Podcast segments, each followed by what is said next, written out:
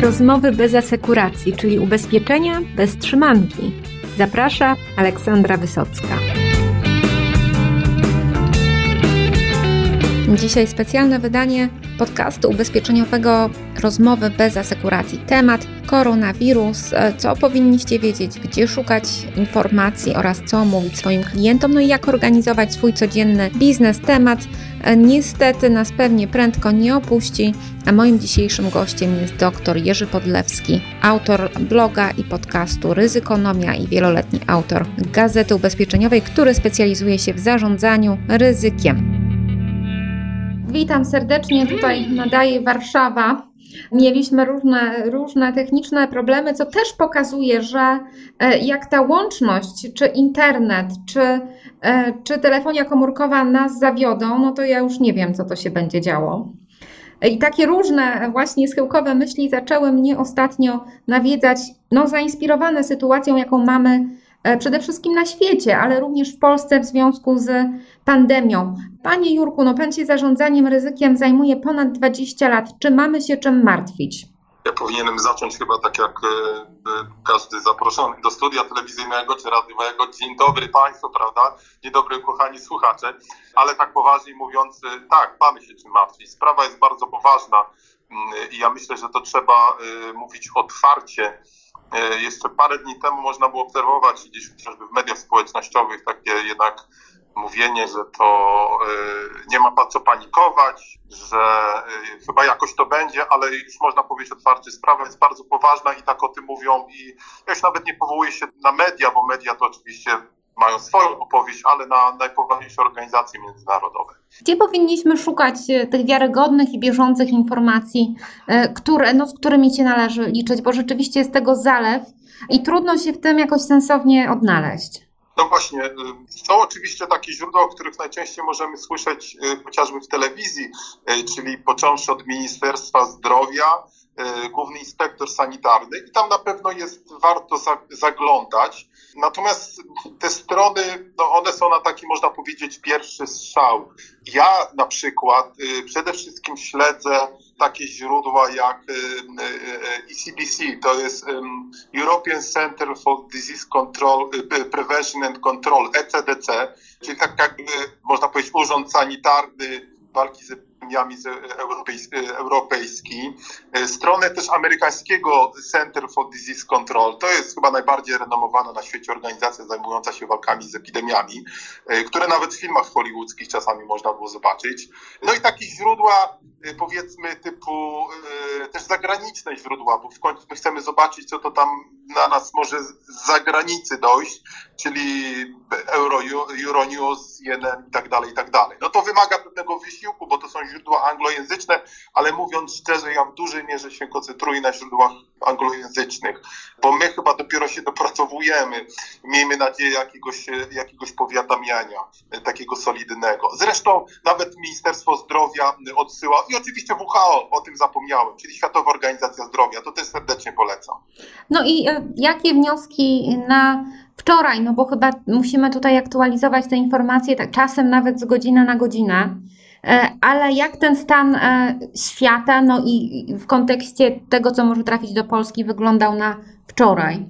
E, ja polecam Państwu, też kto polecam Państwu, polecam słuchaczom stronę taką, mapę interaktywną, którą zresztą można znaleźć w wielu, wielu mediach, zresztą to też właśnie pokazuje, jak informacje się szerzą, bo ta mapa jest nazywana mapą WHO i różnych innych źródeł. To jest mapa Instytutu Johns Hopkins, może, może pani redaktor gdzieś też tam zamieści na stronie mm, link na stronie Gazety Ubezpieczeniowej y, i tam na takiej interaktywnej, charakterystycznej czarnej mapie z czarnymi punkcikami możemy y, śledzić takie dokładne informacje. Na ten moment mamy ponad 114 tysięcy zakażonych, ale oczywiście tych, którzy są zarejestrowani, to też jest bardzo ważne, tak? I ponad 4 tysiące, dokładnie 4028 y, ofiar niestety śmiertelnych. I no, z tej mapy różne rzeczy są, można by czytać. Na przykład to, że oczywiście Chiny, Chiny są na, na pierwszym miejscu, ale już niestety Włochy już jest ponad 9 tysięcy zakażonych. Później Południowa Korea, Iran, no już później Francja, Hiszpania, Niemcy, czyli bardzo blisko, tak. Polska według dzisiejszej, dosłownie chyba sprzed godziny konferencji ministra zdrowia, między innymi zresztą całego polskiego, części polskiego rządu, to jest 18, 18 zakażonych. Z tym, że no to znowu jest no ja muszę powiedzieć, że rano przeczytałem taką informację Sanepidu Gdańskiego, bo, bo ja, ja rozmawiam y, y, tutaj z panią z, z Gdańska, gdzie jest napisane, że jest y, dwóch, dwie osoby hospitalizowane, ale co mi muszę powiedzieć zmroziło, chociaż nie jest to nowa informacja, że do tej pory przeprowadził Gdański Sanepid 16 testów tylko, tak? No tak. Więc no, niektórzy twierdzą, że tam, gdzie jest dużo testów, tak, czy na przykład we Włoszech, gdzie testów się przeprowadza bardzo e, dziesiątki tysięcy, czy w Niemczech jest więcej zakażonych. U nas mało testów, no nie chcę tu snuć jakichś teorii spiskowych, ale to jest moim zdaniem e, niepokojące. No i jeszcze to jest moim zdaniem bardzo niepokojące, że jak spojrzymy na mapy krajów biednych, gdzie, gdzie ten e, system opieki zdrowotnej jest bardzo słaby, na przykład Afryka, tak, no to tam y, patrzymy, że jest mało zakażonych i teraz pytanie z jakiego powodu, czy dlatego, że tam jest mało zakażonych, czy tak, dlatego, że nikt tego nie bada, tak. Z Iranem mieliśmy zresztą całkiem niedawno taki, y, y, taki, taki problem. To się może wydawać, że to są odległe obszary, ale, ale przecież tam przyjeżdżają ludzie, przylatują, no właśnie, co tam się naprawdę dzieje? No więc sytuacja się zaostrza, no chociaż też dzisiaj się spotkałam z informacją, że e, nowe zachorowania się e, zmniejszają w Chinach i we Włoszech też. E, czy... To prawda. To prawda, rzeczywiście y, media podały, że no to też jest ciekawe, jak to zinterpretować, bo zresztą w tym sławnym Wuhan pojawił się y, pierwszy sekretarz, taki jest chyba jego oficjalny tytuł, y, Xi, Xi, Xi Jinping chyba, o ile dobrze wymawiam, komunistycznej partii Chin w tym miejscu. No i właśnie tam płyną informacje, że, mm, mm, że rzeczywiście zmniejsza się liczba nowych przypadków i WHO zresztą to potwierdza, bo były takie duże wątpliwości, czy tam nie ma do jakichś dziwne rzeczy się nie dzieją. WHO było na takiej wizycie studyjnej, było pod wrażeniem Światowa Organizacja Zdrowia tych drakońskich środków, które wprowadzono w Chinach. Natomiast można się teraz zastanawiać, co będzie, jeżeli rzeczywiście zniesie się te kwarantanny, bo Chiny mają oczywiście gigantyczny problem gospodarczy, czy to gdzieś znowu nie wyskoczy spod, spod jakiegoś ukrycia. No warto dodać, że no jak Chiny mają gigantyczny problem gospodarczy, to nagle się okazuje, że wszyscy mają gigantyczny problem gospodarczy, co, co widać, y, no, myślę, że jeszcze może teraz nie w każdym e, elemencie no, naszej gospodarki, ale przecież i te części e, zamienne i różne, różne no, elementy niezbędne do produkcji przestały docierać do nas z Chin. No i pytanie, jak to wpłynie na polskie firmy? No wpłynie, już wpływa. Zresztą co tu dużo mówić. Wczoraj mieliśmy na światowych rynkach no, czarny poniedziałek, E, w pewnym momencie na giełdzie nowojorskiej, nie pamiętam kiedy ostatnio to było, zawieszono e, notowania po spadku e, indeksu Dow Jones o, o ponad 7% i, i, ponad 2000 punktów. WIG spadł też dramatycznie, tak, no co by o polskiej giełdzie nie mówić, no to spadł też ponad 7% i to już widać, no, na pierwszy, oczywiście pierwszą ofiarą jest turystyka. Przewozy autokarowe, jak ostatnio można było wyczytać, polskich firm transportowych spadły o 97%.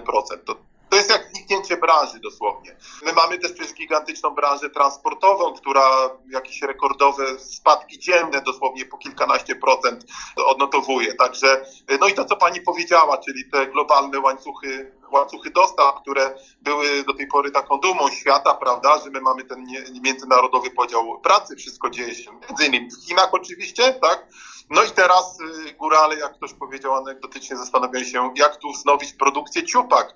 No bo do tej pory ciupagi były robione przecież w Chinach, prawda? A w Chinach teraz nie ma kto ciupak robić. Także to, y, to będzie gigantyczny i narastający problem. O lekarstwach się też mówi, kiedy te substancje czynne y, były, czy są produkowane do tej pory w, w Azji, w, w Indiach też, prawda? O których mniej się mówi, ale co tam się dzieje? No ten problem będzie narastał niewątpliwie. No, też e, dostałam dane od Euler Hermes w sprawie strat gospodarczych, które no szacuje się, że w pierwszym kwartale tak mogą, mogą przekroczyć i najprawdopodobniej przekroczą 300 miliardów dolarów, takie straty handlowe związane z koronawirusem. No więc robi się tak niebezpiecznie i chciałabym, żebyśmy do takiej części praktycznej przeszli, może najmniej e, te takie osobiste wątki, no bo, no bo e, myślę, że moi słuchacze po pierwsze tak chcieliby wiedzieć, co, czy oni powinni organizować te swoje szkolenia, spotkania, konferencje, co należy tak w praktyce, w życiu zawodowym, w branży ubezpieczeniowej, jakie kroki podjąć to raz, a drugie, co mówić klientom, małym przedsiębiorcom, średnim przedsiębiorcom, no, którzy, którzy no jak zawsze za późno się, się budzą na zarządzanie ryzykiem, no a tym ryzykiem to chyba już nikt nie zarządził, więc trudno mieć do nich żal o to. No, ja powiem tak. Światowa Organizacja Zdrowia mówi, że to jest pierwsza epidemia, za chwilę pandemia, którą my możemy mieć pod kontrolą, tak? Rzeczywiście nie można zapobiec jej e, rozprzestrzenianiu się, ale mamy jednak wiadomości, mamy, jak ktoś ładnie mówi, siły i środki, żeby to spowalniać i, i starać się nad tym jednak, jednak to kontrolować. Więc tak jak pani powiedziała, trzeba podchodzić racjonalnie, ale racjonalność też oznacza y, jasną i prostą komunikację. I trzeba powiedzieć sobie wprost, że lepiej już było, że jeżeli Chiny teraz notują właśnie o tym, co Pani wspomniała, że, że sobie jakoś zahamowały tę epidemię, to przez wprowadzenie drastycznych środków. Tak? Czyli my musimy wprowadzić drastyczne środki, drastyczne środki i w naszym życiu osobistym, i w naszym życiu y, społecznym, i w naszym życiu biznesowym. Tak? Musimy rozważyć, czy jechanie na jakieś spotkanie, na jakąś konferencję ma sens, bo moim zdaniem nie ma dzisiaj sensu. Tak? Trzeba sobie jasno powiedzieć, nie jedziemy, nie spotykamy się, no chyba, że rzeczywiście no, będzie to jakaś sprawa życia lub śmierci, ale pytanie, czy jeżeli gdzieś wyjedziemy za granicę nasz szef, to będziemy w stanie później prowadzić biznes, bo utniemy co najmniej gdzieś w kwarantannie. I trzeba sobie po, po, powiedzieć jasno, że no, trzeba podejmować dramatyczne decyzje, bo y, to może nam przynieść światło w tunelu. Na pewno nie, nie ma co liczyć na to, że za tydzień nagle epidemia zacznie wygasać, więc, więc ograniczenie spotkań. Rząd mówi o ograniczeniu właśnie na tej konferencji dzisiaj też imprez masowych. To jest trochę, muszę powiedzieć, Mamy przecież olbrzymi biznes eventowy w Polsce, prawda? I jeszcze widziałem parę dni temu koledzy z biznesu eventowego, eventowego zaczęli myśleć, że może się spotykać, ale dzisiaj chociażby to, co my, szukają nowych, mam nadzieję, sposobów organizowania tych eventów, chociażby online, prawda? Czyli y, powiedzenie sobie prawdy, że jest, że jest bardzo duże zagrożenie i trzeba podejmować dramatyczne środki. No, chociażby już nie podajemy sobie rok na spotkania. No Mamy żółwiki, kolanka. Już nie mówiąc o całowaniu się, prawda, gdzie to już nawet z, męż, tak. z mężem, czy swoim, czy, czy nie swoim, to, no żartujemy, ale, ale to jest y, dość ale ponury żart. Też, ale w biznesie też, y, pani redaktor, bo przecież głupio nam nie podać rękę w, y, jakiemuś partnerowi biznesowemu, ale teraz już nie głupio.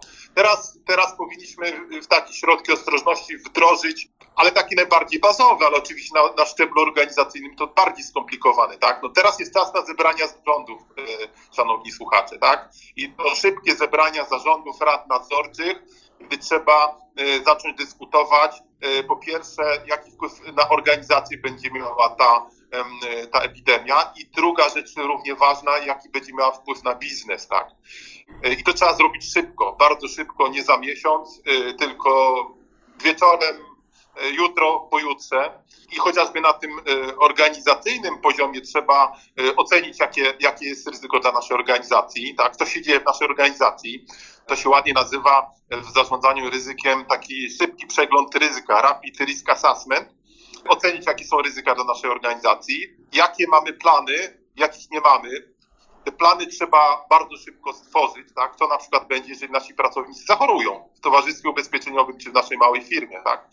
Co wtedy, bo zostaną poddani kwarantanny, to co, co będziemy wtedy robili, tak? I myślę, że rzecz bardzo ważna, to jest taki mój trochę autorski może pomysł, ale takie codzienne, krótkie briefingi, tak?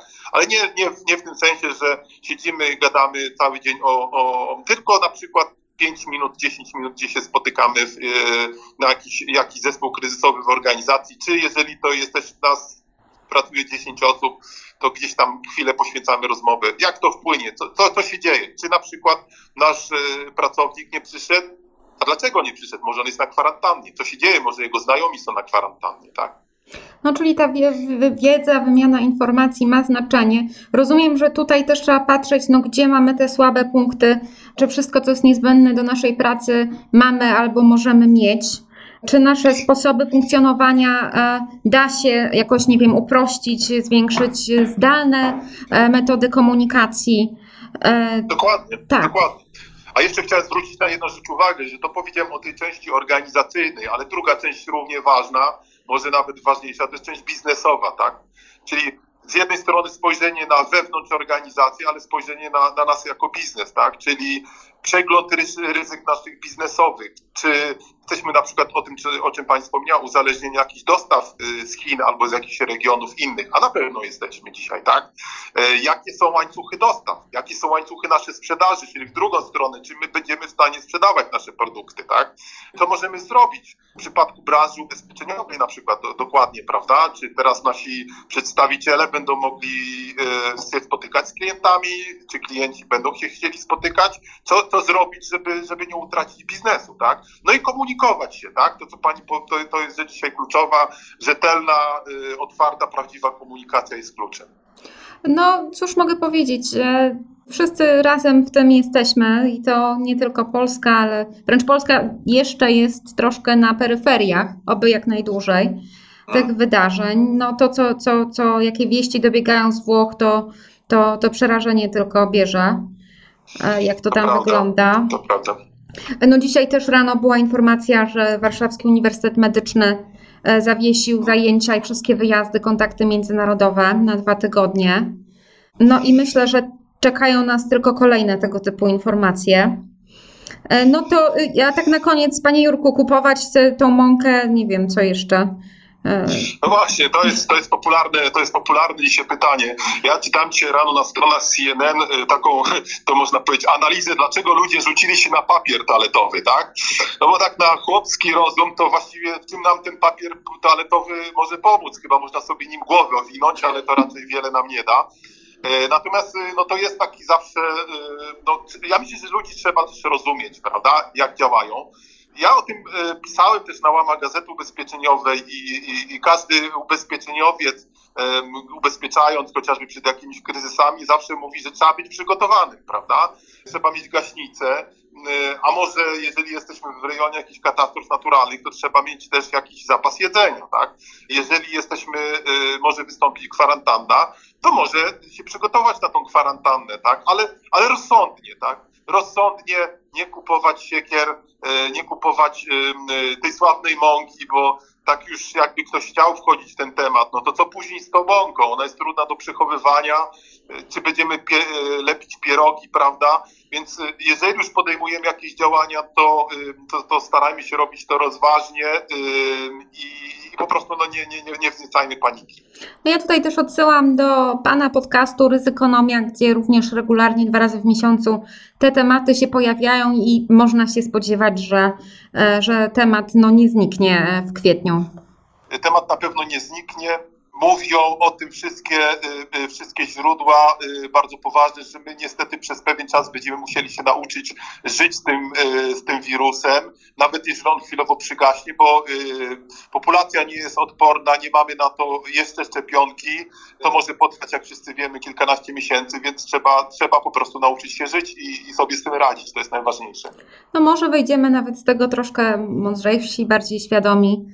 E, no i bardziej docenimy tych naszych bliskich, e, prawda? No bo tutaj też zawsze przypominam, żeby o tych e, najstarszych członków rodziny zadbać, żeby im pomóc, żeby też ich nie narażać na jakieś, na jakieś tutaj ryzyka, no bo tam śmiertelność, prawda, jest najwyższa z tego, co widziałam z tych smutnych tabelek. Owszem, i zresztą y, tutaj znowu, y, co jest bardzo ważne, żeby budować, y, to ładnie ktoś nazwał taką świadomością ryzyka społeczną. Nie świadomością ryzyka, tylko naszą osobistą, bo spotykamy się ostatnio z takimi żartami, prawda, że, że młodzi to przeżyją.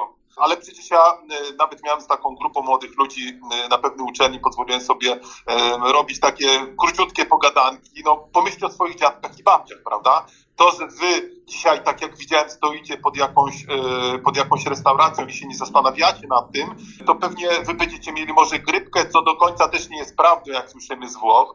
Natomiast e, wasi rodzice mogą umrzeć, wasi dziadkowie, tak? Czyli ważna jest świadomość ryzyka, tak? A czy wyjdziemy mądrzejsi? Oby, oby. W końcu kiedyś musimy. No, o, o. E, Panie Jurku, dziękuję bardzo. E, no i wszystkich e, słuchaczy zapraszam i na grupę o zarządzaniu ryzykiem na LinkedInie, i na bloga Ryzykonomia, i na łamy Gazety Ubezpieczeniowej, gdzie dr Jerzy Podleski pojawia się już od wielu lat regularnie co dwa tygodnie. Bardzo mi miło i ja oczywiście polecam Gazetę Ubezpieczeniową. kochani, bądźcie na bieżąco, ale zawsze starając się weryfikować źródła informacji, bo bardzo łatwo na tej fali gorącego tematu, jednak zagrożenia społecznego, popłynąć, no i rozprzestrzeniać informacje, które wcale potwierdzone nie są. Pamiętajcie, Światowa Organizacja Zdrowia, też informacje oficjalne, śledźcie na bieżąco, no i te źródła, do których macie zaufanie, no i dzielcie się e, wiedzą ze swoimi klientami, ze swoimi współpracownikami. Bądźcie gotowi, żeby do tej dynamicznie zmieniającej się sytuacji się dostosowywać na bieżąco. I słuchajcie podcastów ubezpieczeniowych, rozmowy bez asekuracji, które dla Was co tydzień, a teraz się okazuje, że nawet czasem trochę częściej.